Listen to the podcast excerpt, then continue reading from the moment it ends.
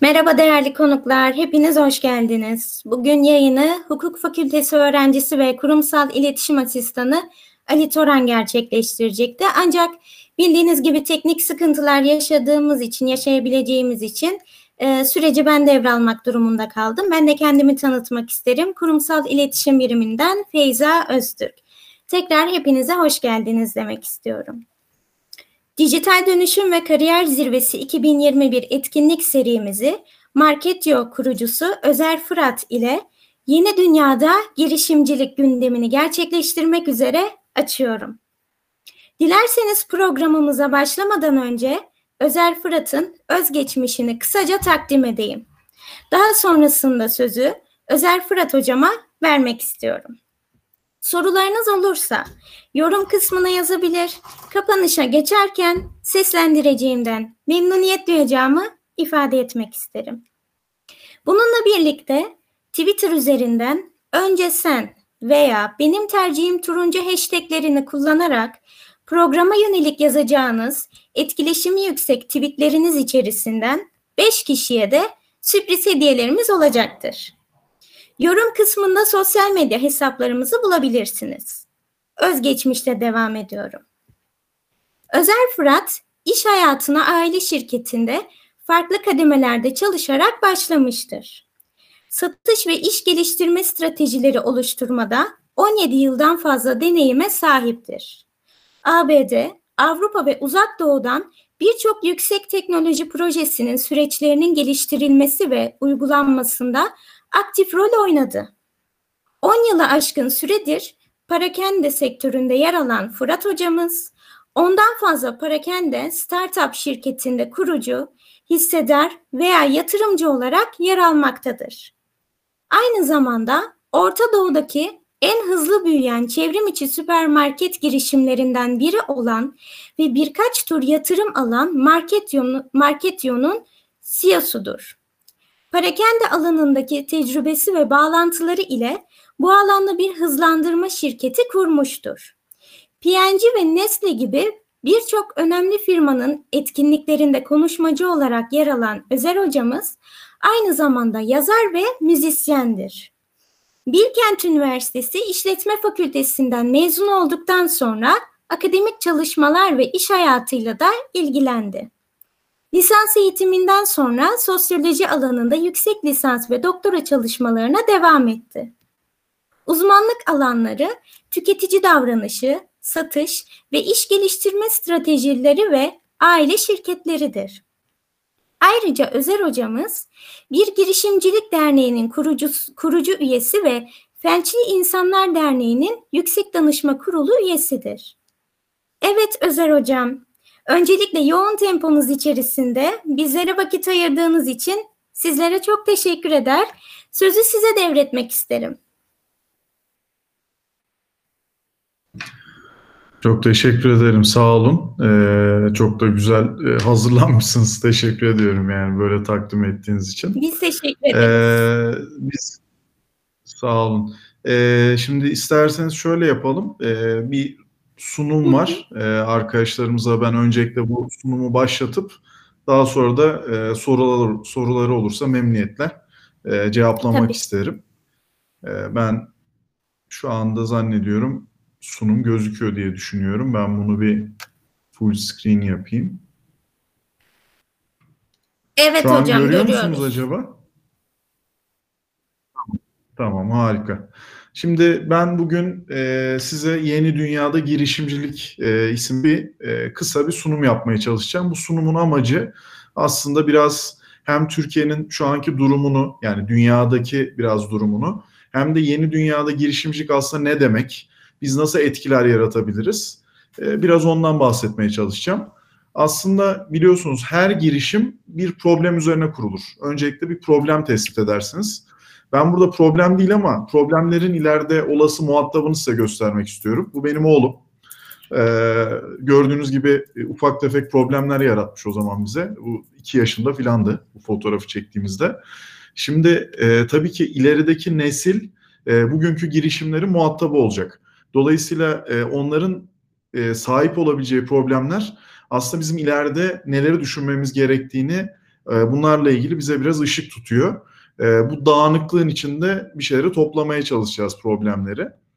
Şimdi startup dediğimiz şey e, burada e, çok fazla hani öğrencinin de dinlediğini, arkadaşlarımızın da dinlediğini düşünerek çok kısa biraz bilgi vermek istiyorum. Bu hafta da e, birçok konuşmacımız var. Mutlaka onlar da bu terimlerden bahsediyordur.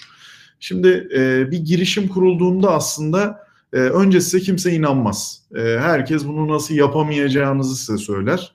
E, çok az kişinin desteğini alırsınız. Aslında sizin buna inanmanız gerekir. Genellikle Amerikalılar buna families, friends and fools. Yani size aslında aileniz, arkadaşlar ve parantez içine söylüyorum. E, aptallar ancak e, inanır ve size destek olur derler. Gerçekten de bu süreç ilk başlarda e, insanlar size çok inanmayacağı için e, bu şekilde şeyler yaşarsınız. Sonra bu fikrinizi canlandırmak için bir takım kuruluşlara başvurursunuz ki bunu fazlasıyla öneriyorum ben de. Bunlar kuluçka merkezleri ya da hızlandırma merkezleridir. Eğer çok başlangıç seviyesinde fikriniz varsa kuluçka merkezlerine bir tık daha ilerlediyseniz e, ölçeklenme yolunda hızlandırma merkezlerine başvurabilirsiniz. E, bunun dışında birçok terim geziyor şu anda. Bütün arkadaşlarımızın da takip ettiği aslında işte melek yatırım, girişim sermayesi gibi. E, burada işte angel investment, e, melek yatırımı zaten duyuyorsunuz. Şu anda aslında daha küçük çaplı hani böyle 50 bin 100 bin dolar gibi buralardan başlayan ama ülkesine göre de çapı değişen ilk yatırımlardan bahsediyoruz. E, girişim sermayeleri bir tık daha büyük artık ölçeklenme e, yolunda olan e, girişimler için kullanıyoruz e, buradaki fonları. Kendini fonlama aslında girişimcinin kendi cebinden harcadığı, e, ortaklarıyla birlikte harcadığı e, fonlama Kitle fonlaması da bir bildiğiniz e, belki duyduğunuz crowdsource, bugün Kickstarter, Indiegogo gibi bir ürününüze bir fiyat biçip aslında bir satış fiyatı önden de bundan e, insanların size fon sağladığı ve sizin daha fazla üretim yapabildiğiniz e, fonlama tipi. E, bir de burn rate, churn rate diye çok konuşulan şeyler var. Yani işte senin burn rate'in ne diye. Aslında ne kadar para yaktığımızla e, ilgili e, ayda ne kadar harcıyoruz. Churn rate de aslında kazandığımız müşteriyi kaybetme oranımız. O yüzden onda yanıyoruz dedim. Çünkü e, müşteri kaybetmemesi lazım bir girişimin. E, bir de şeyler çok söyleniyor işte asansör e, konuşması, asansör sunumu ya da e, herhangi bir yatırımcı sunumu. Bunların da adı elevator pitch ya da pitch deck olarak e, geçiyor.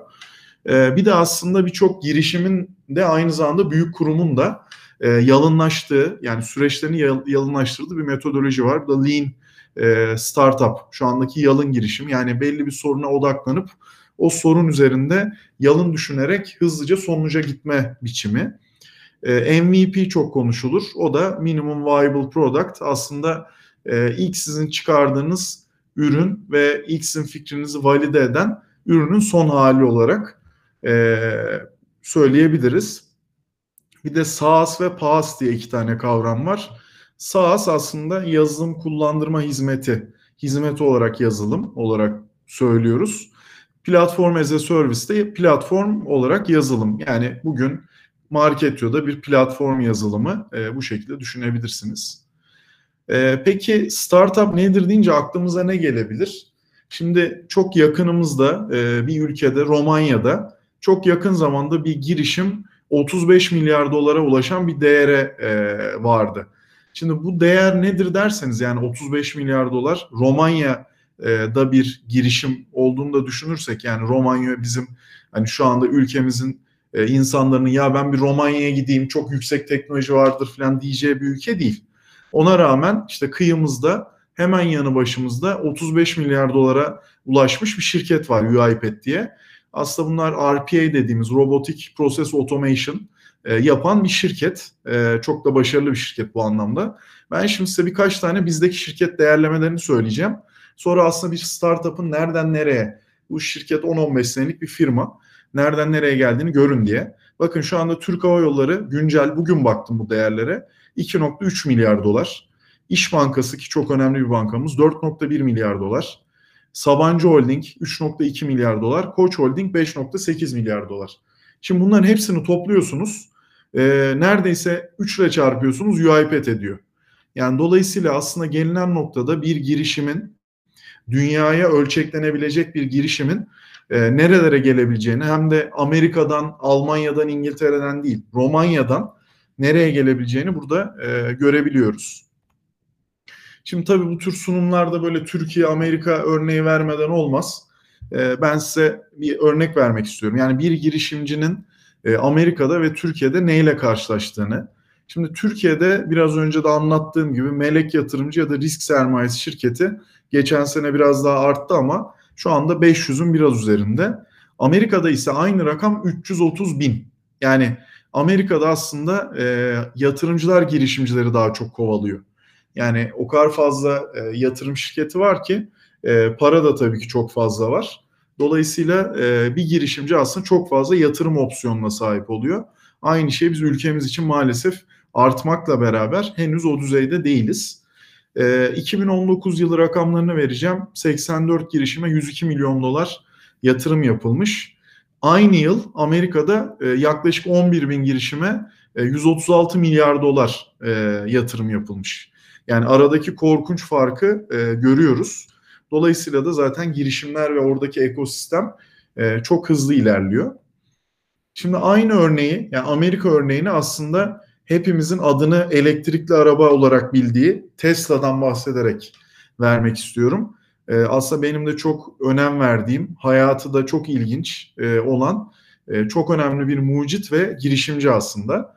Şimdi Tesla e, esasında Hırvatistan daha sonra da e, Belgrad'a geçiyor e, şu anki Sırbistan'a. E, Sırbistan'dan da aslında Amerika'ya gidiyor. Amerika'ya gitmesinin sebebi şu. 1870'lerde 80'lerde oluyor bu ve o yıllarda e, kendi bulduğu e, yeni akım, elektrik akım teknolojisini aslında valide etmeye ve para bulmaya, işini geliştirmeye gidiyor. Bununla ilgili de aslında Edison'ın e, kapısını çalıyor. On, e, onunla beraber daha sonra devam edemiyorlar bir şekilde. Daha sonra ne yapıyor? Bu büyük mucit, şu an hayatımızda bir sürü şeyi değiştirmiş bu kişi fon bulamadığı için belli bir süre iki sene kazma kürek çalışıyor. Aslında e, birçoğumuz böyle girişimleri ya da girişimcileri hep en iyi noktalarında tanıyoruz. Yani e, çok iyi bir exit yaparken, çok önemli bir yatırım alırken, ürününü gerçekleştirirken e, aslında girişimcilik dediğimiz şey gerçekten kan ter gözyaşı. Burada da zaten e, bu kadar önemli bir mucit bile bunu yaşıyor. Daha sonra bu hatırlarsınız böyle Amerikan filmlerinde çift kapılı buzdolapları olur kocaman Westinghouse marka. E, o buzdolaplarının aslında ilk kurulan şirket ki önemli bir sanayici Amerika'da e, Tesla'ya 150 bin dolar yatırım yapıyor. E, daha sonra da o istediği bazı şeyleri gerçekleştirebiliyor ve çok ciddi para kazandırıyor hem Westinghouse'a hem de kendisine.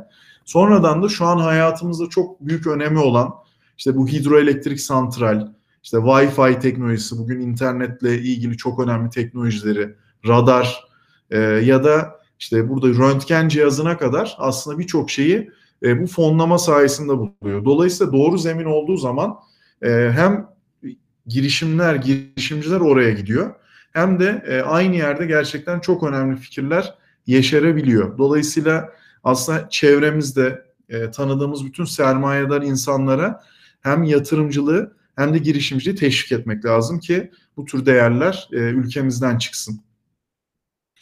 Şimdi ben e, az önce Feyza Hanım da anlattı. Yurt dışından birçok firmanın e, daha önce bir partnerliğini de yaptım. Amerikalı bir firmanın e, biyoteknoloji ile ilgili bir şirketle çalışırken 2014 yılında Amerika'da e, bana şeyi teklif ettiler. İşte bizim şirketimize yatırım yapar mısın diye. Ben dedim ki yani hani e, şu anda böyle bir şey düşünmüyorum ama nasıl bu işler diye. O dönemde de bu işi çok çok iyi bilmiyordum. E, işte anlattılar şöyle fon içeri giriyor bu şekilde sana geri ödenecek şirket böyle büyüyecek diye. O dönem araştırdığımızda inanılmaz e, toplumdan her kesimden insanın aslında yatırımcı olduğunu gördüm. Özellikle Amerika'da. E, sanat ve sanatçı aslında toplumun aynasıdır diye burada da bir e, yarı e, şaka yarı da trajikomik bir slide hazırladım size. Şimdi e, Jessica Alba örneğin e, bir oyuncu biliyorsunuzdur muhtemelen. E, bu oyuncu aynı şirkete, bu biyoteknoloji şirketine yatırımcıydı. Yine Jared Leto e, çok önemli bir oyuncu, Oscar'lı bir oyuncu. e, 50'den fazla girişime yatırım yapmış. Yine e, Ashton Kutcher, e, Spotify, Airbnb, Uber gibi birçok şirkete yatırım yapıp 500 bin dolarını 50 milyon dolar yapmış bu şirketlere yatırımlar yaparak. Yine YouTube'un solisti Bono e, birçok sosyal girişime e, yatırım yapıyor ve dünyanın daha iyi bir yer olması için çaba sarf ediyor. Şimdi bizde neler olduğunu göstereceğim. Şimdi Emrah e, yüzden fazla daire almış. Baktım ne yatırımlar yapıyor bizdeki e, ünlüler diye. E, yine Kıvanç Tatlıtuğ daire dükkan bunları alıyor kiralıyor. E, Kenan İmirzalıoğlu bina restorasyonu buralardan para kazanıyor. Yine e, Erkan Petekkaya da et dükkanı almış. Dolayısıyla bu rakam aslında çok şaşırtıcı değil.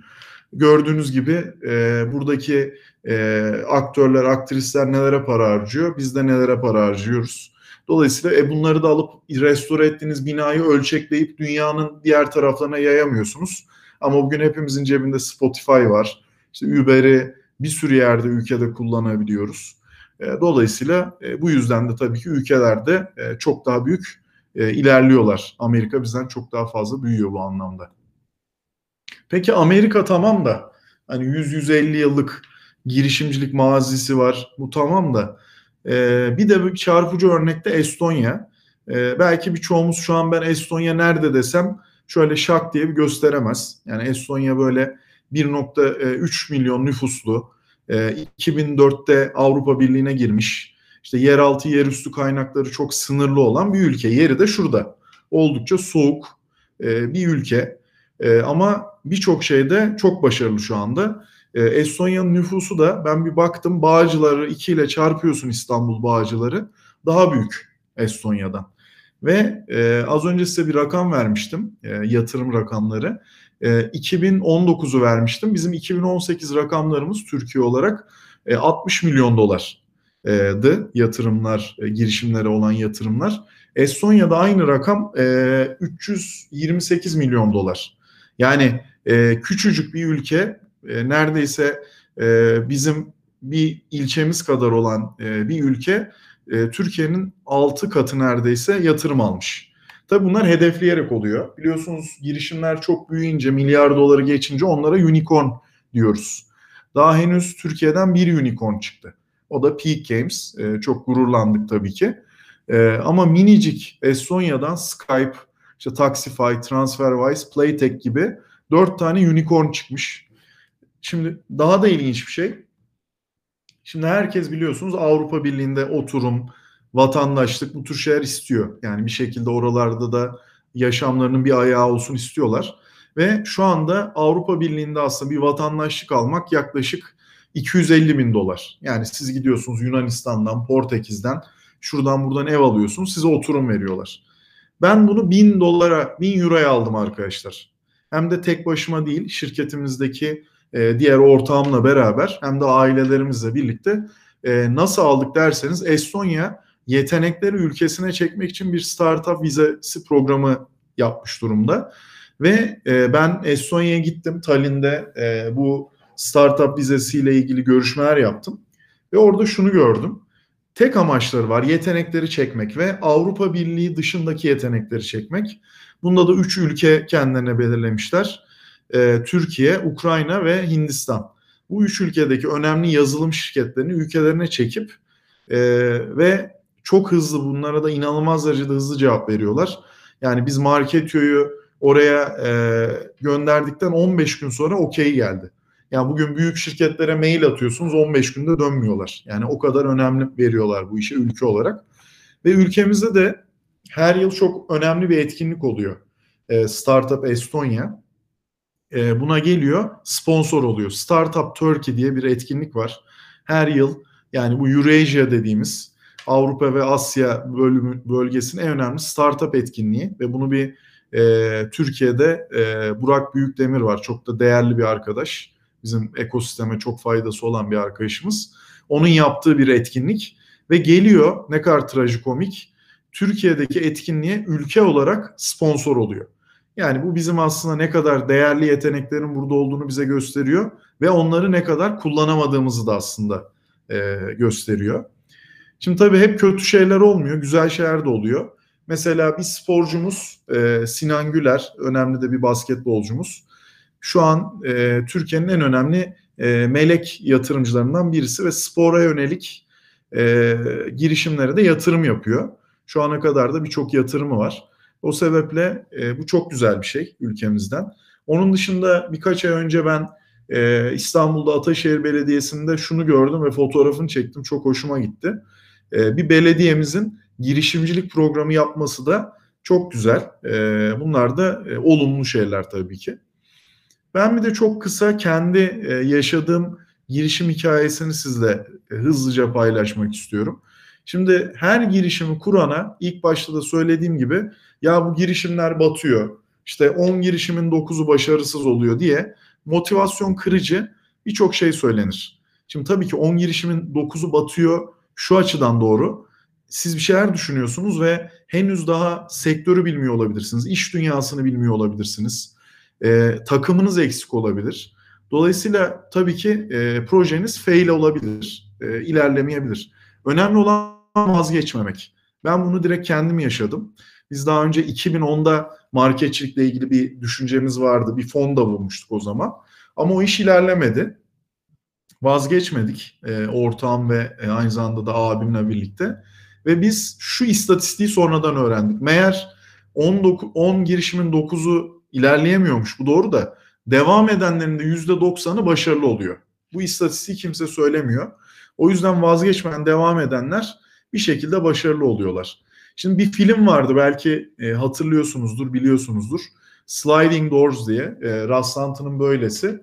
E, bir kadının metroya e, binip ya da bir metroya binememesiyle değişen hayatını anlatan bir film.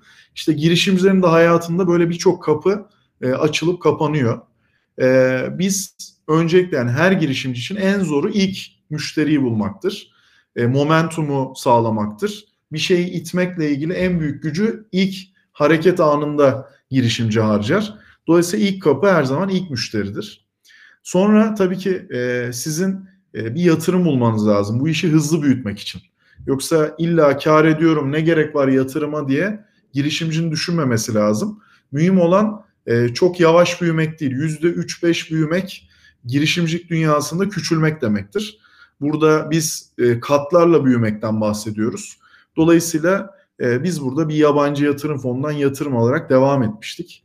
Sonra işinizi büyütmek için bazı global şirketlerle işbirlikleri yapmanız hem sizin daha sonra yatırımınızı valide etmeniz, farklı yatırımcıların gözünde e, daha farklı bir segmente geçmeniz için önemli. O dönem Nestle, P&G gibi şirketlerle biz marketçilik e, anlamında çalışmış, onların desteğini alarak birçok marketi bu şekilde iş ortağımızı yapmıştık. Daha sonra bunlar bize işte büyük bir market olan Migros'la 65 yıllık tarihinde belki ilk defa dışarıdan çalışan şirket olduk. Migros Emen'i yapmıştık o zaman. Daha sonra onlara teslim ettik. E, sonrasında da yine e, bir diğer marka Unilever e, desteğiyle e, pazara penetre olduk ve kendi pazar yerimizi kurduk. Şu anda da 140'tan fazla Türkiye'de yerel zincir 55 il ve Türkiye'nin en yaygın e, online e, alışveriş, market alışverişi platformu olduk şu anda. Dolayısıyla bu üç kapının açılması ya da kapanması bizi bugünlere getirdi. E, günün sonunda yaptığımız şey ısrar, inanç ve çok çalışmak. Bunun başka bir e, formülü yok açıkçası. E, bir de tabii ki e, sadece sizin bir girişimci olarak e, etki alanınız şirketinizle sınırlı olmamalı. Biraz önce yine Feyza Hanım'ın takdimde e, belirttiği gibi e, ben bundan yaklaşık 2-2,5 yıl önce sektörde de çok önemli olan, perakende sektöründe çok önemli olan birkaç büyüme bir fikir götürdüm. Dedim ki ben girişimci olarak çok zorlandım belli insanlara ulaşmakta, networklere ulaşmakta. Dolayısıyla e, bizim bir hızlandırma şirketi kurup girişimlere destek olmamız lazım. Onlar da bu fikri çok sevdiler. Bakın daha sonra çok kısa sürede yani yaklaşık 8-10 ayda şu fotoğrafı oluşturduk. Bu fotoğraf e, aslında 200 milyar liralık fotoğraf dediğim şu.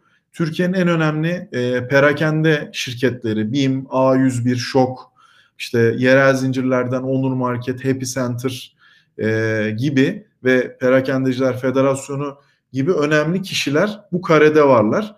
Ve biz burada örnek veriyorum Migros'un CEO'su Özgür Bey'e 20 yaşında bir arkadaşımızın sunum yapmasını sağladık. Onlara fikirlerini anlatmalarını sağladık. Yine aynı şekilde A101'e, BİM'e çok önemli şirketlere fikirlerini sundular. Çok önemli geri bildirimler aldılar. Önemli olan e, bu etkiyi oluşturabilmek. İşte siz bir şeylere zemin hazırladığınız zaman gerçekten e, büyükler de bu konuda önemli şirketler de buna gerçekten destek oluyorlar. E, bir de sosyal etki çok önemli. Yani bir girişimcinin sadece para kazanmayı e, hedeflememesi lazım. E, yine benim e, yatırımcısı olduğum, e, ben de bir hayvan severim çünkü. E, buralara destek vermeyi de çok önemsiyoruz.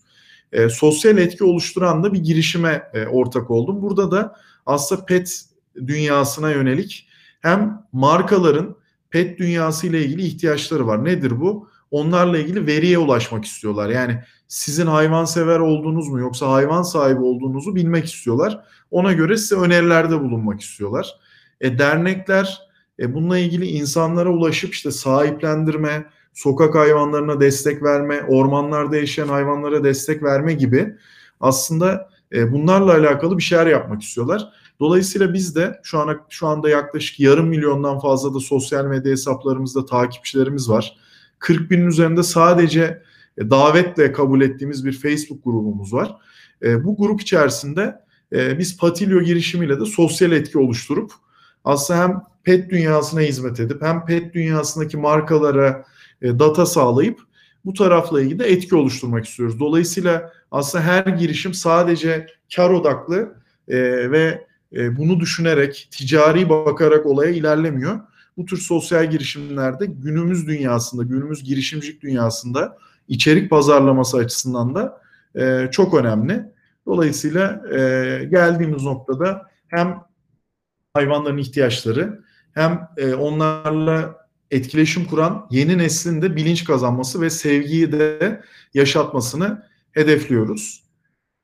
E, benim sunumum bu kadar. E, eğer sorunuz varsa e, memnuniyetle almak isterim. Hocam iyi akşamlar. Hocam başta sizden, sonrasında da tüm izleyicilerimizden özür dilerim hocam. Ee, teknik bir sorun yaşadım ve programın açılışını Feyza hocamız yaptı. Herkesten hocam tekrardan özür dilerim. Hocam Rica yeni dünyada edinmemiz ve kendimizi güncel tutmamız gereken bilgileri nasıl girişimci olabileceğimizi bizlere aktardığınız için size çok teşekkür ederiz hocam. Hocam sizi bulmuşken izninizle e, sorularımızdan birkaç tanesini size yönlendirmek istiyorum hocam. Tabii ki. Tabii. Hocam Buyurun. e, sizce girişimci bir kişiliğe sahip olabilmek için ne tür kişisel özellikler gerekir? Yani bu tabii şey yani e, keşke girişimciliğin bir okulu olsa gidilse ve bu konular böyle öğrenilse. Yani dünyada tabii bununla ilgili e, interdisipliner okullar var. E, ama yani girişimciliğin bence en önemli özelliği bir defa e, özgüveninizi arttırıcı faaliyetleri çok erken yaşta yapmak. Yani bu tiyatro oynamaktan tutun işte müzikle uğraşmaya, sahneye çıkmaya, e, insanları ikna edici konuşmalar yapacağınız satış aktiviteleri yapmaya, çok basit satışlar da olabilir. Çünkü e, girişimcilik sonuçta iknaya dayanıyor. Yani hiç olmayan bir şeyleri e, insanlara e, anlatıp onların okeyini almaya çalışıyorsunuz. Yani bu yatırımcı da olabilir, bu müşteri de olabilir. Dolayısıyla olabildiğince entelektüel birikiminizi geliştirmeniz gerekiyor. Çünkü standart öğretilerle e, girişimci olunmuyor. Yani okul eğitimiyle girişimci olunmaz. Yani siz olabildiğince fazla yerde bulunmanız lazım. Olabildiğince fazla entelektüel birikiminizi geliştirmeniz lazım. Ve sunum becerilerinizi, anlatım becerilerinizi güçlendiriyor olmanız lazım. Ama en önemlisi fikrinize inanmanız lazım. Dolayısıyla kırılgan bir kişilik yapısına sahip olan, işte en ufak refüze edildiğinde e, olaya küsen, kendine inancı yeterli olmayan birisinin girişimci olması maalesef mümkün değil.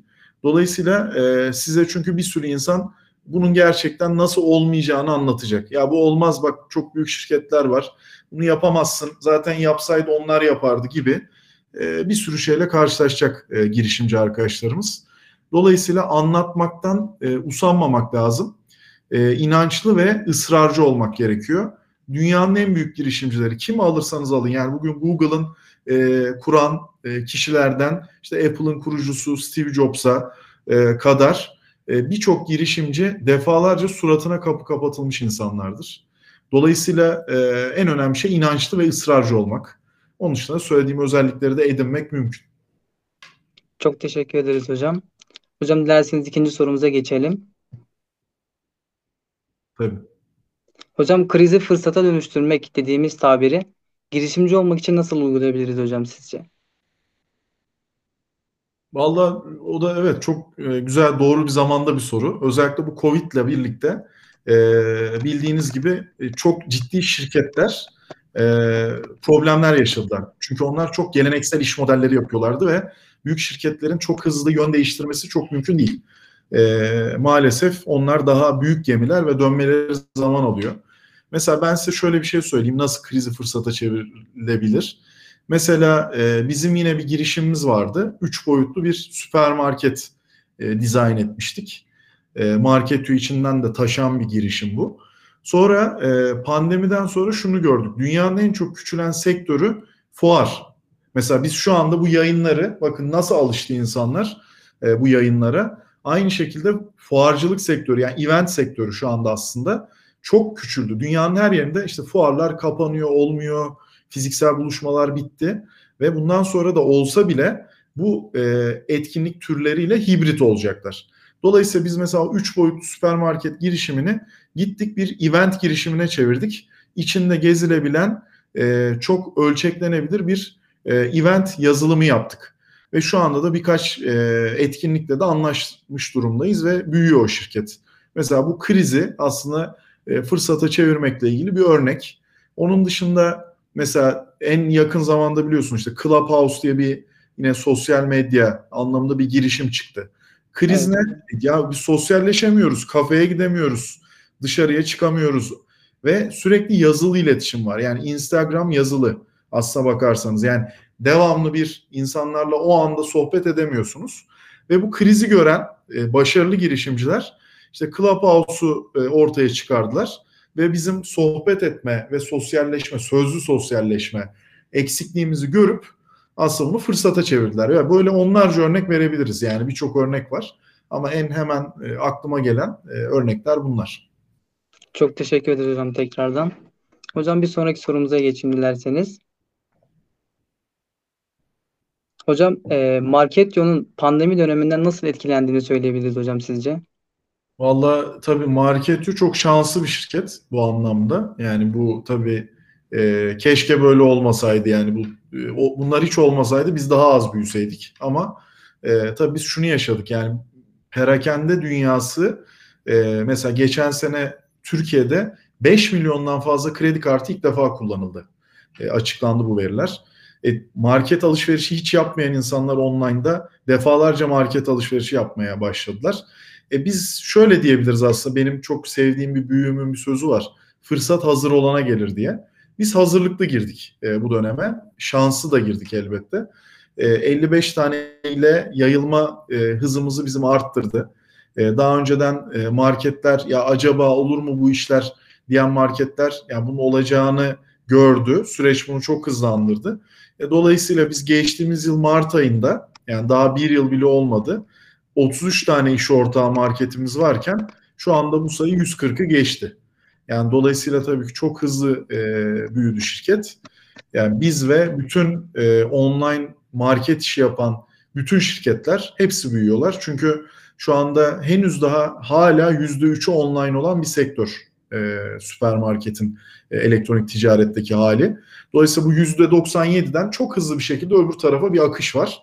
Ondan da bizim gibi şirketler e, faydalanıyor. Çok pozitif etkilendik elbette. Çok teşekkür ederim hocam tekrardan. Rica ederim.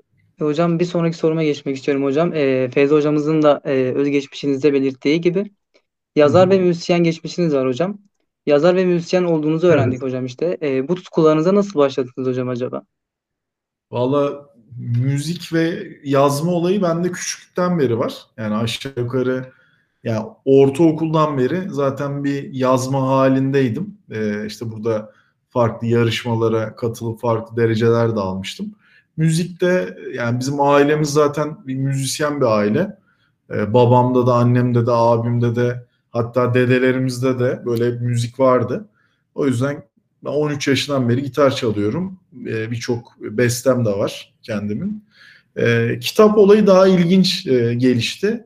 O da e, iyi bir yayın evinden o biraz enteresan bir konu. Evlilikle ilgili bir konu. Öyle ilgili bir kitap. Biraz o aradan böyle hızlı çıktı. E, ama daha başka kitaplarda e, ağaçları hazır. Sadece biraz çok iş yoğunluğu olduğu için e, yazmadım ama e, aile şirketleri ve girişimcilikle ilgili de e, mümkün mertebe e, bir toparlamaya çalışıyorum. Onlarla ilgili de e, sanıyorum yakın zamanlarda çıkacak Hocam kitaplar biz de onları mer- merakla bekliyor olacağız hocam. Tekrardan teşekkürler hocam. Bir sonraki Sağ soruma olun. geçmek istiyorum hocam dilerseniz. Hocam Tabii. başarılar birbirine geçmiş zincirler gibidir. Birbirini doğurur. Buradan hareketle girişimci olmanıza herhangi bir olay örgüsü sebebiyet verdi mi? Bize kendinizden bahseder misiniz hocam? Tabii. Ee, ya biraz önce anlattığım gibi e, çok yönlü olmaya sizi bazı süreçlerin itmesi lazım. E, beni aslında şöyle söyleyeyim, e, babamın ticaretle uğraşıyor olması, yani onun da tabii ki yani bir teknolojiyle ilgili değil ama kendini işi işini yapan birisinin olması ve bize hep küçükken ya işte oğlum limon satın, kendi işinizi yapın e, demesi çok küçük yaştan itibaren bu etkiledi. Onun dışında ee, annemin amcası da esnaftı Ankara'da. Biz çok küçük yaşta onun dükkanına gidip ben orta 2'de orta 3'te e, dükkan açıp kapatıp orada bir ayakkabıcısı vardı. Orada satış da yapmıştık. Yani o dönemlerde. Dolayısıyla aslında orada siz bir özgüven kazanıyorsunuz. Yani bir şeyi yapabileceğinize inanıyorsunuz o küçücük yaşınızda bile. Ve e, giderek de bu e, zaman içerisinde ilerliyor. Tabii üniversite yıllarında da yani Bilkent mezunuyum ben işletme yazları hiç boş geçirmedim. Yani yaz aylarını e, arkadaşlarımız tatillerde işte Çeşme, Bodrum, yurt dışı e, yaparken vallahi ben e, hemen hemen hiç tatil yapmadım diyebilirim. Yani bir hafta, iki hafta en fazla yapıyordum. Onun dışında e, çoğunlukla hep çalıştım. Orta yani lise yazları da dahil söylüyorum. Üniversitenin yazları da. Dolayısıyla ben okulu bitirdiğim zaman aslında bir iş tecrübesiyle bitirmiş oldum. Yani şu an bence bir üniversite öğrencisinin en önemli şeyi hepimize eşit dağılan zaman. Yani dünyada eşit dağıtılan tek şey zaman. Onu iyi kullanmamız çok önemli. Dolayısıyla ben e, kendimden yani örnek vermem gerekirse e, benim en önemli e, yetkinliğim diyeyim zamanı kullanmak diyebilirim. Ve bence bütün girişimcilerde de aynı şey var. Bu bana özel bir şey değil. Hiç çok başarılı girişimci arkadaşlarım var. Onların da gördüğüm zaman en iyi yaptığı şey vakit değerlendirmeyi doğru yapabilmeleri. O yüzden e, bu yolculukta bir erken yaşta çalışmaya başlamak lazım. İki çok farklı yerlerden beslenmek lazım. Bütün disiplinleri görmek lazım. Yani mühendislik okuyorsanız bile gidip bir sosyal bilimlerden ders almanızı tavsiye ederim. E, bakış açısı açısından. Ben mesela sosyolojinin çok faydasını görüyorum. Yani master ve doktora e, doktorayı da sonuna gelmiş durumdayım. O yüzden e, çok yönlü olunca beslenince bunlar mutlaka bir sentezleniyor ve sizin baskın olduğunuz alan neyse o alanda da e, eserler çıkarmaya başlıyorsunuz. Bu illa girişimcilik olmak zorunda değil yani sanatçı bile olsanız e, sizin farklı şerden beslenmeniz, farklı bilgilere sahip olmanız yaptığınız sanatı bile değiştirecektir. Çok teşekkür ederiz hocam tekrardan. Hocam bir sonraki sorumuza geçelim dilerseniz. Hocam e, Tabii. ilham aldığınız kimler var hocam?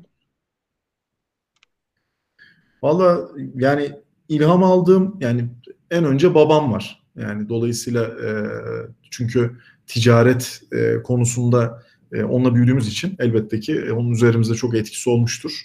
E, ama girişimcilerden dersek yani e, okuyup tabii ki şahsi olarak tanışmadım ama e, rahmetli diyelim Steve Jobs'u çok beğeniyordum yani bir girişimci olarak. Onun dışında e, biraz önce anlattığım Tesla e, bence çok e, esin kaynağı olan bir e, hikaye. Yani çağımızda hala hayatta olan e, yani kimileri çok sevmiyor ama bence çok önemli bir girişimci. Yani Elon Musk e, çok beğeniyorum. Bence etki eden e, girişimler yapıyor yani dünyayı değiştiren işler yapıyor. Dolayısıyla onu çok beğeniyorum. Ee, onun dışında Jeff Bezos bence yani standart bir e-ticareti aldı. Çok büyük bir teknoloji şirketine, çok önemli bir e, yazılım şirketine çevirdi. Dolayısıyla bu girişimciler gerçekten esin kaynağı. Bütün girişimci olmak isteyen arkadaşlara da e, bu insanların biyografilerini okumalarını e, çok tavsiye ederim. E, çünkü o zaman kendileri de nasıl yapabileceklerini görecekler. Hiç kimse çünkü çok kolay gelmiyor buralara. O yüzden e, en azından pozitif düşünmelerini sağlayacaktır diye düşünüyorum. Çok teşekkür ederim hocam tekrardan. Rica ederim. Hocam bir sonraki sorumuza geçeyim dilerseniz. Hocam e, hayatta hiç başarısız olduğunuzu düşündüğünüz ve pes etmek istediğiniz bir an oldu mu hocam? Yani başarısız olduğumu düşündüğüm oldu ama pes etmeyi düşünmedim. Yani e, açıkçası.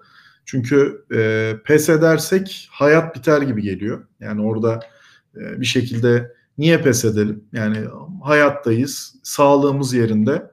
E, bir sonrakidir deyip devam etmek lazım. Tabii ki e, riskleri doğru alarak e, ailemize ve çevremize minimum e, zararı her zaman e, getirerek ama kendi hayatımızla ilgili riskleri alarak ilerlemek lazım. O yüzden e, pes etmek diye bir şeyi açıkçası hiç düşünmedim. Ama tabii ki yani başarısızlık endişesi olmuş mudur? Tabii ki olmuştur. E, girişimcilik e, sert bir e, dünya. Yani devamlı para yaktığınız işler yapıyorsunuz büyümek için. Dolayısıyla tabii ki yani endişe olabilir ama e, kişi kendinden eminse, yaptığı işlerin metriklerine inanıyorsa mutlaka bunu daha çok kapı çalarak e, 13. değilse 23. kapı olur. O olmadıysa 38. kapı olur diye çalmaya devam etmesi lazım. Çünkü bu bir e, karşılıklı e, sözleşme. Dolayısıyla bunu siz bulana kadar bu sözleşmenin şartlarında birileriyle antat kalana kadar birçok kapı çalmanız lazım. Bu sadece Türkiye'de böyle değil, dünyanın her yerinde böyle. İşte biraz önce çok övdüğümüz girişimcilik ekosistemi çok iyi olan Amerika'da da böyle. E, dolayısıyla başarısız olmaktan bence korkmak diye bir şey yok. Bence başarısızlık diye de bir şey yok. Öğrenmek diye bir şey var. Yani hani e, biz başarısız olmuyoruz, öğreniyoruz. Yani e, onların arkasından da bir şeyleri bırakmıyorsak bence tek başarısızlık insanın bir şeylerden vazgeçmesi. Onun dışında ben bir başarısızlık olarak düşünmüyorum. Tecrübedir diyorum ve e, yola devam etmek lazım diyorum. Kesinlikle hocam. Tekrardan hocam çok teşekkür ederiz. Hocam bir sonraki sorumu sormak istiyorum dilerseniz. Tabii.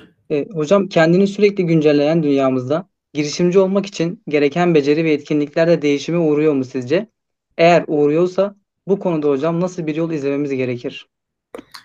Yani şimdi şöyle, yani çok ilginç bir dünyadayız. Mesela 10 yıl önce bankacılık finans bölümü işte mesela 15 yıl önce ben üniversite mezun olduğumda ilk hala bir önemli bölümdü. Şu anda bankacılık finans diye bir bölüm belki olmayacak 3-5 sene sonra.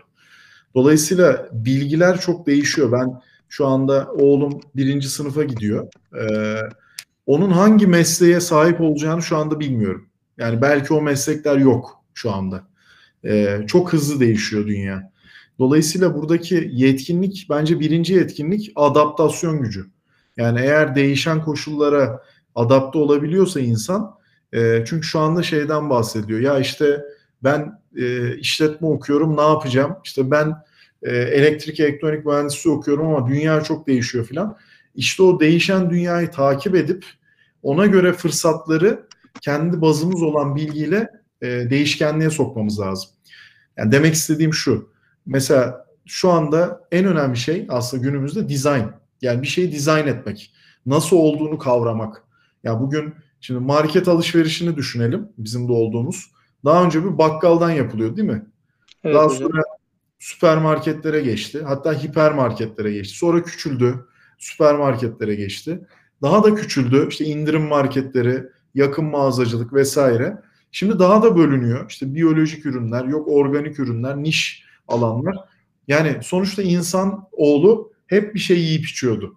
Yani ama o yiyip içmeye ulaşma biçimi her an değişiyor. Mesela şu anda e, özellikle sizlerin nesli e, markaların e, niyetlerini daha önemli buluyorsunuz. Yani onların şu anda işte ne kadar sağlıklı olduğunu, ne kadar çevreci olduğunu, e, insanlıkla ilgili ne yaptıklarını, sadece mal mı satıyorsunuz, işte insanlara glikoz şurubu mu yediriyorsunuz? Yani hani bunları sizin nesliniz daha da sert bir şekilde irdeliyor. O yüzden yine bu ürünler satılacak. Yine biz çikolata yiyeceğiz. Ama belki çok daha sağlıklı yiyeceğiz, çok daha sağlıklı tüketeceğiz. O yüzden bu yetkinlikler hem insanlar için hem firmalar için sürekli revize olacak. E, bu revizyona da uyum sağlayanlar ayakta kalacak. O yüzden en önemlisi adaptasyon, ikincisi de dizaynı kurmak. Yani prosesleri her ne proses olursa olsun dizaynları e, kurmak çok önemli olacak. Belki yakın tarihte e, çok yakın bir zamanda yazılım bile çok kolay olacak. Şu anda blok yazılımcılıkta yazılımcılık metodolojileri var. Yani işte sürükle bırak oluşsun kod parçacıklarını birleştir, şeklinde. İleride yazılım yapmak bile yani kodlamak bile çok önemli olmayacağını düşünüyorum ben. Önemli olan fikri bulmak, fikirle ilgili dizaynı üretmek ve bunu yeni dönen dünyadaki süreçlere adapte etmek olacağını düşünüyorum. Çok teşekkür ederiz hocam tekrardan. Hocam bir sonraki sorumuza geçmek istiyorum dilerseniz. Hocam e, kariyer yolculuğunuzda yoğun temponuza rağmen kendi hobilerinizi de ihmal etmeyip sürdürmüşsünüz. İnsanlar arasındaki kandan yola çıkarak şu soruyu size yönetmek istiyorum hocam. Zorlu ve çok çalışma isteyen yollarda başarıya ulaşılması için insanın mutlu olduğu alanlarda da fedakarlık yapması gerekir mi sizce hocam? Yani keşke gerekmez deseydim ama gerekiyor. Yani hani bu e, çünkü yani özellikle şöyle e, yani benim de takip ettiğim podcastler var dinliyorum. Yani dünyadaki e, girişimcileri falan izleyen hem yerli hem yabancı. Sizlere de çok tavsiye ederim. Çok güzel podcastler var. E, güzel e, öğretiler var içinde. Onlardan da mesela yakın zamanda duyduğum işte bir girişimci belki 5 yılda bir beyaz yakalının ömür boyu çalıştığı kadar çalışıyor diye. Gerçekten öyle yani hani e, uyumadan e, gece gündüz çok kısıtlı imkanlarla e, çok az parayla çok büyük iş yapmaya çalışıyorsunuz. Çok büyük şirketlerin e, büyük kaynaklar içerisinde yapamadıklarını yapmaya çalışıyorsunuz. Dolayısıyla e, benim e, tabii ki ben açıkçası vakti çok iyi kullanmaya çalışıyorum. Yani hem hobi hem aile işte hem akademik çalışmalar bütün bunları e, yapmak için aslında bir şeye ihtiyaç var. Az önce söylediğim zaman yönetimi. Yani genellikle şunu görürsünüz. Zamanı çok olan insanlar zamanı daha kötü yönetirler. Çünkü sallama hali olur. Ya ben bunu yaparım nasılsa işte akşam da boşum. Ya yarın öğlene kadar yaparım. Şimdi benim öyle bir zamanım yok mesela şu anda. Yani ben o bir saatte bir şeyi yapmak için bir zamanı ayarlamak zorundayım. Yani başka bir yolum yok. Dolayısıyla onu ya o bir saatte yapacağım ya da yapmayacağım. Ertelemem söz konusu değil. Dolayısıyla ben hani zaman yönetimi açısından e, verebileceğim en büyük yani böyle tavsiye vermeyi de sevmiyorum da paylaşım diyeyim kendi hayatımdan. E, zamanı kısıtlayın. Yani hani birçok şeyi birlikte yapan insanların hep başarılı olduğunu görürsünüz. Yani e, birisi okumaya zamanım yok diyorsa, e, birisi spora zamanım yok diyorsa, hobime zamanım yok diyorsa o zaten ana işini de yapamıyordur. Yani e, ben buna inanmıyorum. Dolayısıyla e, zamanını etkin kullanamayan insanlarla da açıkçası birlikte iş yapmayı da sevmiyorum. Onlarla çalışmıyorum da. Çünkü e, bu tür insanlar gelince ben diyorum ki ya bu ana işini de yapamaz zaten. Yani günde 30 sayfa kitap okuyamayan bir insan açsak screen time'ına baksak en az 2 saatini Instagram'da en az 1 saatini bilmem nerede geçiriyordur. Ama işte yarım saat kitap okuyamıyor. E o zaman e, o tercihlerle yaşıyorsunuz. Yani dolayısıyla tabii ki mutluluktan da hayatınızla ilgili bir sürü şeyden de fedakarlık tabii ki yapıyorsunuz ama zamanı etkin kullanırsak suçlayacak kimse kalmaz. O yüzden e, hepsini yapabilirsiniz bence. Hocam çok teşekkür ederiz. Hocam bir son son sorum var hocam. Ee, bir yatırım, atılım ya da girişim yapmak isteği çoğu insanda mevcuttur hocam bilindiği üzere. Alanında üst düzey başarılara imza atmış birisi olarak hocam. Bu düşünceye sahip insanlara hangi tavsiyede verirsiniz hocam? Bir sorunun başını tekrar alabilir miyim? Tam şey yapamadım orada da bir. Hocam bir yatılım, yatırım, atılım ya da girişim yapmak isteği çoğu insanda mevcuttur. Evet. Alanında üst düzey başarılar imza atmış biri olarak bu düşünceye sahip insanlara hangi tavsiyeleri hangi tavsiyeleri verirsiniz hocam? Valla yani bu anlamda şeyi söyleyeyim. Yani bir laf var. İşte çevrenizdeki beş insanın ortalaması kadarsınızdır diye. Şimdi e, ben burada valla en önemli şeylerden birisini de hani bu konuşmanın hiçbir yerinde değinmediğimiz için ve burada da bence bu soruyla da çok ilişkili. E, network çok önemli. Yani burada e, birilerine ulaşmak için doğru insanlarla ilerlemek lazım. Yani ben maalesef şimdi insanlar böyle çok eski arkadaşlarıyla bazen çok iyi anlaşamıyor. Yani hani e, yine onu çok seviyorsunuz. Yine onu zorluğunda yanında olabilirsiniz. Ama bakıyorsunuz bazen hayatlar ayrışıyor. Yani biz küçük yaşta ben mesela şaşırırdım yani e, babama ya nasıl yok senin yanında benim gibi arkadaşım e, bu kadar samimi oldun diye işte hayat zaman zaman sizi böyle ayrıştırıyor. E, ben şunu tavsiye ederim. Benim şu anda hayatta en yakınımdaki bütün insanlar hayatımdaki işlerle ilgili bağlantılarım olan insanlar. Yani onları girişimcilik serüvenimle tanıdım. Çünkü şu an bakıyorum benim gibi hayata baktıklarını hissettiğim, bana bir şeyler kattığını gördüğüm, e, bana da farklı ekosistemler açan, işte yerli yabancı birçok insanla tanışmamı sağlayan ve mutlu olmamı sağlayan her şeyden önce. Yani biz mutlu olmak için yaşıyoruz. Yani kimse parayla mutlu olmuyor. Bununla ilgili 70-80 yıllık Harvard'ın çok güzel bir araştırması var yani bizi ne mutlu eder diye. Yani onu da okumanızı tavsiye ederim. Sonuçta şu çıkıyor. Yani kısadan da ben söyleyeyim.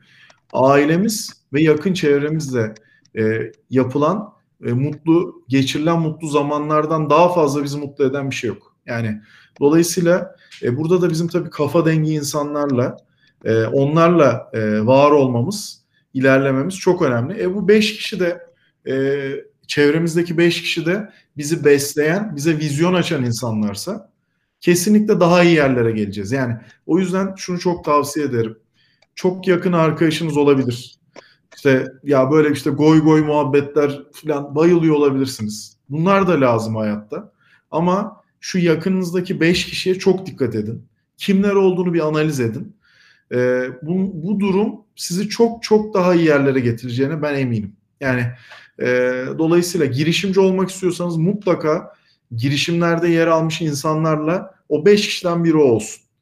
Eğer sanatla uğraşmak istiyorsanız o beş kişiden biri olsun. İnsanlara yazın. Bakın ben bu etkinliğe nasıl katıldım? Bana LinkedIn'den ulaştı arkadaşlarımız.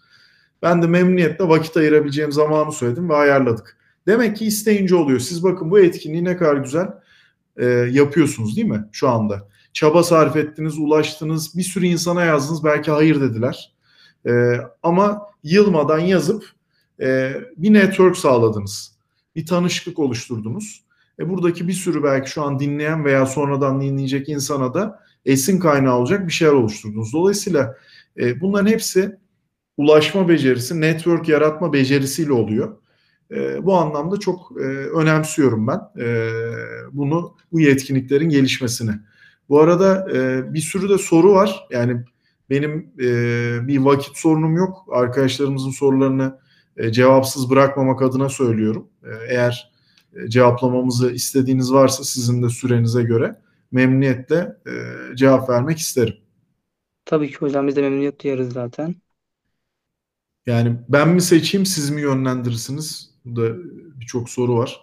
Mesela şey demiş e, Gamze Hanım işte Estonya bu kadar gelişmesinin neye borçludur demiş. E, ben şöyle aşağıdan yukarı görüyorum soruları. E, bir cevaplayayım isterseniz onu. Yani Estonya'nın gelişmesi tamamen ülkesini e, girişimcilik ekosistemine göre dizayn etmesinden aslında. Az önce anlattığım gibi yani 1.3 milyon nüfusu var ülkenin. E, bizden 6 kat 7 kat daha fazla yatırım almış. Nüfusu oranlarsanız hani 60 kat bizden az 6 kat yaklaşık 400 kat daha başarılı oluyor bizden çarpanlara göre. Yani dolayısıyla e, bütün bu olay tabii ki planlama ve ekosistemi ona göre dizayn etmekte e, alakalı. Şeyi hocam, teşekkür ederiz hocam. E, Eylem Adalar arkadaşımızın sorusu var hocam. Evet, Onu dilerseniz evet. ileteyim ben. Tabii, e, hocam sizce girişimciliğe ekonomik zorlukların etkisi ne kadardır? Valla bence hiçbir etkisi yok. Çünkü e, ben e, mesela Marketo'ya bulduğumuz parayı babamdan almadım. Yani Alman bir yatırım fonundan aldım. Yani dolayısıyla tabii ki ilk başta bu işleri yaparken e, belli bir fonlamaya ihtiyacınız var. Orada da e, şunlardan bulabilirsiniz. İşte hızlandırma merkezlerine başvurabilirsiniz, inkübasyon merkezlerine başvurabilirsiniz. Melek yatırımcıların kapısını çalabilirsiniz. Dolayısıyla e, başlarken aslında çok büyük paraya ihtiyacınız yok. Çok iyi bir ekibe ihtiyacınız var. Para ikinci sırada. Önemli olan ekip. İyi bir ekip yoksa dünyanın parasını da versek e, ben de şu anda bir sürü girişime mentorluk yapıyorum veya e, yatırım yaptığımız ufak tefek de olsa girişimler var. Şimdi bütün bu girişimlere baktığımız zaman soruyoruz. Diyoruz ki senin neye ihtiyacın var? Hepsi para diyor. Şimdi para değil. Ben sana para versem e, satamıyorsun ürünü 10 tane daha satamadığın ürün yapacaksın. E demek ki senin satıcıya ihtiyacın var. İşte ne bileyim web uygulamaları geliştirmiş, çok backend uygulamalar geliştirmiş. E sana para versem onları yapmaya devam edeceksin. Sana bir mobil yazılımcı lazım. Ekibini genişletmen lazım. Dolayısıyla doğru ekip olmayan hiçbir e, girişim başarılı olamaz. Hatta şöyle söyleyeyim, mükemmel bir fikir kötü bir ekip mi? İşte mükemmel bir ekip kötü e, bir fikir mi? Kesinlikle iki. İkincisi yani. İyi ekibe neyi verirseniz verin bir şekilde bir yolunu bulup onlar bunu iyileştirirler. O yüzden ekonomik sıkıntı falan değil, insan sıkıntısına odaklanmak lazım. O yüzden ben sizin gibi üniversitelerde de hep şunu bence önemsiyorum. Farklı disiplinlerle bir araya gelin. Yani bir mühendis işletme mezunuyla, bir işletme mezunu bir psikologla, işte bir psikolog bir elektrik elektronik mühendisiyle bir araya gelip zihinini açmalı. Yoksa aynı düşünüyoruz. Beyin de böyle çalışıyor zaten. Sağ lob, sol lob. Yani e, sosyal bilimci hep bir tarafı kullanıyor. İşte mühendis hep bir tarafı kullanıyor. E bizim iki tane bu. E bunları biz nasıl dengeleyeceğiz? Dolayısıyla e, bunları dengelemenin yöntemi de interdisipliner olmak, disiplinler arası çalışmak. O yüzden e, ekonomi sonradan geliyor. Öyle söyleyeyim. Önce ekip. Teşekkür ederiz hocam. E, hocam Güneş Ayberk Arifoğlu arkadaşımızın sorusu var hocam. Hı hı. Hocam e, podcastlere örnek verebilir misiniz demiş. Tabii, tabii vereyim. Ee, yani şu anda mesela benim çok dinlediğim, çok da başarılı bulduğum Türkiye'de mesela girişimci muhabbeti podcast'i var. Yani çok da başarılı arkadaşlarımız. Kendileri de e, girişimlerde çalışıyorlar zaten. Üç kişi, iki tanesi. E, kendileri hiç girişim kurmamışlar ama hep girişimlerde çalıştıkları için e, çok da güzel bir çevreleri var. E, onu dinleyebilirler. Onun dışında e, Bora Özkent'te Haddini Aş e, yine benim çok sevdiğim bir hem güncel e, gelişmeleri hem de girişimcilikle ilgili aynı zamanda e, güzel bilgilerin olduğu e, bir podcast. Onun dışında yani yabancı olarak da mesela Guy Kawasaki var. Çok önemli bir aslında bu pazarlama konusunda dünyada girişimcilik konusunda çok önemli bir guru. E, ciddi iyi konuklar alıyor. E, onun podcast'ini e, dinleyebilirsiniz. Ee, onun dışında tabii daha birçok var e, bende ama hani ilk bizim konularımızla çok alakalı olan onları söyleyeyim. Ya ek olarak bir de e, ben kitap dinlemenizi de hani onun içinde mesela Storytel e, ben kullanıyorum. E, oldukça başarılı. Bir de şimdi Kit Up diye bir e, uygulama var. O da e, Türkçe e, kitap özetlerini dinleyebileceğiniz, bunları özümseyip size aktarıyor. Daha geniş bilgi istiyorsanız ulaşıyorsunuz. Bir de Blinkist var. O da yabancı kitapların özetlerini bulabilirsiniz. En azından ilgi alanlarınızı keşfetmek için. E, bunlar da faydalı olabilir. Çok teşekkür ederiz hocam. Hocam Melisa evet. Ünlütaş arkadaşımızın bir sorusu var hocam. Hı hı. Müzisyen bir aileye sahip olduğunuzu söylediniz Özer hocam. Zor durumda kaldığınızda size güç veren şarkınız neydi? Bizimle paylaşırsanız seviniriz demiş hocam. Valla gitar olsa yanımda çalardım da ama e, maalesef Keşke başka bir yerdeyim. O yüzden e, ama e, tabii yani müzik e, ve müzisyenler aslında girişimcilere çok benziyor. Çünkü o da e, hiç kimsenin sevip sevemeyeceğini düşündüğü bir şey üretiyor. İnanıyor, duygularını katıyor, kapı çalıyor, birilerini ikna etmeye çalışıyor. Sonra bu kitlelere yayılıyor. Dolayısıyla aslında e, zorluğa düşmüş birçok müzisyenin hayatı beni etkilemiştir. Yani mesela ben Eric Clapton'u çok severim. Çok iyi bir gitarist ve çok iyi bir besteci. E, yani e, çocuğunu kaybetmiş. Ondan sonra çok ciddi işte uyuşturucu bağımlısı olmuş, bırakmış, müzisyenliğe geri dönmüş. Defalarca çok büyük ödüller kazanmış. Daha sonra da gitarlarını e, işte bu uyuşturucuyla mücadele uğruna açık arttırmayla 150'den fazla gitarını da bağışlamış bir müzisyen. Mesela onun e, müzisyenliği, hayatı beni mesela çok etkiliyor. E, örnek olarak e, vermek gerekirse. Çok teşekkür ederiz hocam. Yani. Hocam Eylem Adalar arkadaşımızın bir sorusu daha var. Hı hı. Küçük çocukların kendi çapında bir şeyler satması tamamen kendi istekleri, aile ailevi ihtiyaçları olmadan bir şeyler satması ve onun sattıklarını almak doğru mu sizce demiş hocam. Valla ben yapıyorum. Yani bir e, hemen söyleyeyim. Mesela benim oturduğum e, sitede e, oğlum bazen şimdi şu çok önemli bir olay yani çok güzel bir soru bu arada teşekkür ederim.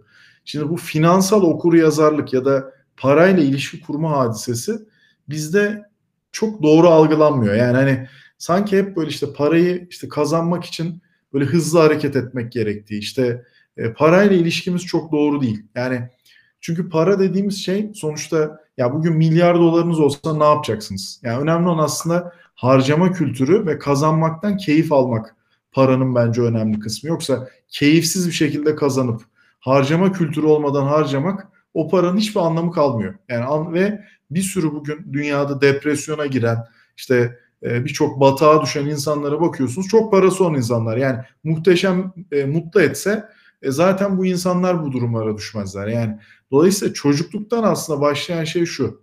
Mesela e, benim oğlum bir şey istiyor. Tabii ki çocuklar bir sürü şey istiyorlar. İşte onu da alalım, bunu da alalım. Ve ona şunu diyorsun. Diyorsun ki paramız yok.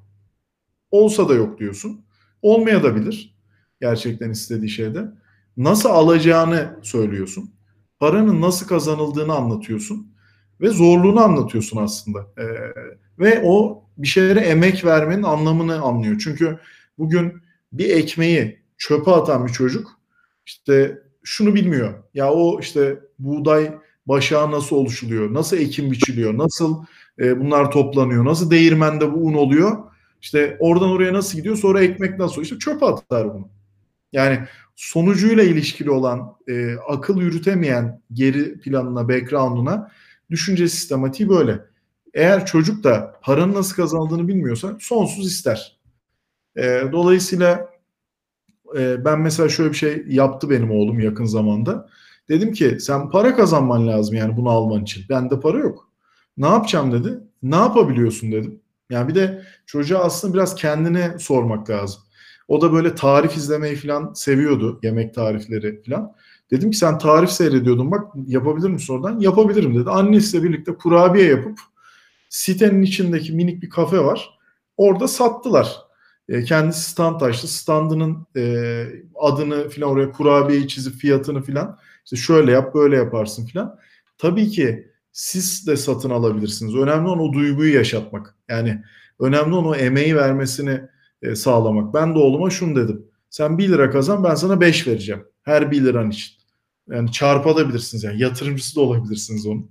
Yani dolayısıyla e, yani ben tabii bu bir şey değil. Herkesin kendi çocuk yetiştirme tarzı. Elbette ki ben e, yani bu anlamda bir uzman değilim. Yani o yüzden yanlış bir şey de söylemek istemem. Ama bir, bana göre e, bir çocuğun bir şeyin nasıl olduğunu anlaması çok çok değerli. E, ben kendi hayatımdan bunu gördüm, yaşadım. Çok faydasını gördüm. O yüzden de e, çocuğuma da aynısını e, öneriyorum şu anda. E, başarıda sağladığımızı görüyorum. O yüzden ben öneririm. Çok teşekkür ederiz hocam tekrardan. E, hocam e, müsaadenizle son soruya geçeyim hocam ben de. Tabii, tabii. Hocam Osman Çetin Kaya arkadaşımız sormuş. Dijital dönüşüm, dönüşüm programında karşılaştığınız en büyük zorluk nedir hocam demiş. Yani dijital dönüşüm şimdi şöyle tabii. E, biz ortak akıl tarafında büyük şirketlerle de çalışıyoruz. Yani mesela Nestle'ye startuplar konusunda destek veriyoruz. Yani onların sorunlarını daha kolay çözmeleri konusunda e, Nestle firmasına Türkiye'de e, destek oluyoruz.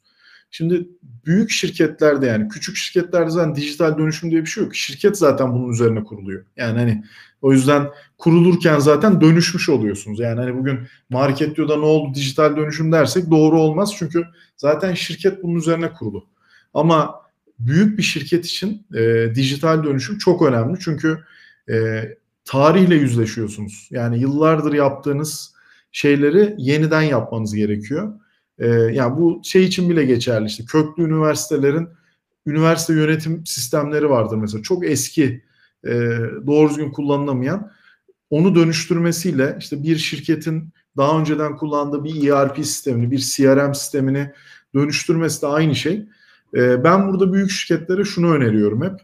Mutlaka girişimlerle ve girişimcilerle işbirliği yapmaları lazım. Çünkü zaten orayı oraya o hale getiren o şirket. Bunun içinden çıkması çok zor. Dolayısıyla sizler gibi gençlerden istifade etmeleri, yeni fikirleri işlerine daha fazla sokmaları ve mümkün mertebe yeni fikirlerle doğmuş şirketlerle işbirliği yapmaları lazım. Yani ben çevremde çok başarılı girişimciler var. Yani o adama milyon dolar verseler gidip o kurumsal şirkette çalışmaz. Dolayısıyla o kurumsal şirketin bu dijital dönüşümü yaşaması için bizim bu arkadaşlarımızla bir bağ kurması lazım. O bağ da işte girişimcilerle yani gidip onun şirketiyle işbirliği yapabilir. O şirketi satın alabilir. E, ama kendi içerisinden bunu yapmasını ben açıkçası çok mümkün görmüyorum. Yani hatta bununla ilgili çok önemli bir Türkiye'de bir yatırımcı var Hasan Aslanova. E, onun da çok güzel bir sözü var. Ben diyor büyük şirketlere bu dijital dönüşümle ilgili tek bir öneride bulunuyorum. Siz dünyalısınız. Girişimi kuranlar uzaylı. Dünyalılar uzaylılarla iletişim kuramaz. Siz bir tane fon kurun. Gelin bu girişimlere yatırım yapın. Bünyenize onları bu şekilde katın diyor. Yani dolayısıyla ben dijital dönüşümün böyle el yordamıyla değil sert, hızlı e, ve e, girişimlerle, startuplarla ilişkiyle olabileceğine inanıyorum. Hocam çok teşekkür ederiz hocam tekrardan. Ben teşekkür ederim. Hocam e, arkadaşlarımız da sizlere çok teşekkür eder hocam e, Sağ bu değerli olsunlar. sohbet için. Bir sürü turuncu kalp gönderiyorum hocam ben burada. E, hocam size Evet. sormak istediğimiz daha bir sürü soru var açıkçası. E, Evet. hocam e, LinkedIn üzerinden sizlere sorularımızı yöneltmeye devam edeceğiz hocam e, sürekli Tabii. arkadaşlarla beraber. Tabii. Hocam ben Hı hı. tekrar başta sizden sonrasında da tüm izleyicilerimizden yaşadığım teknik sorun için özür dilerim hocam. Rica ederiz yani çok Ve- normal. Ve programımıza hocam e, katılım gösteren herkese çok teşekkür ederiz. Bir sonraki etkinliğimizin 17 Şubat Çarşamba günü KKTC saatiyle 20'de, Türkiye saatiyle 21'de iş hayatında veri analitiği ve karar vermek konularında BNC Insight kurucusu Emre Tuna Aydın hocamızın katılımları ile YouTube kanalımızda gerçekleşeceğini bildirmek isterim. Hepinize sağlıklı günler diliyorum. İyi akşamlar hocam. İyi akşamlar. Ben de çok teşekkür ediyorum. Sağ olun.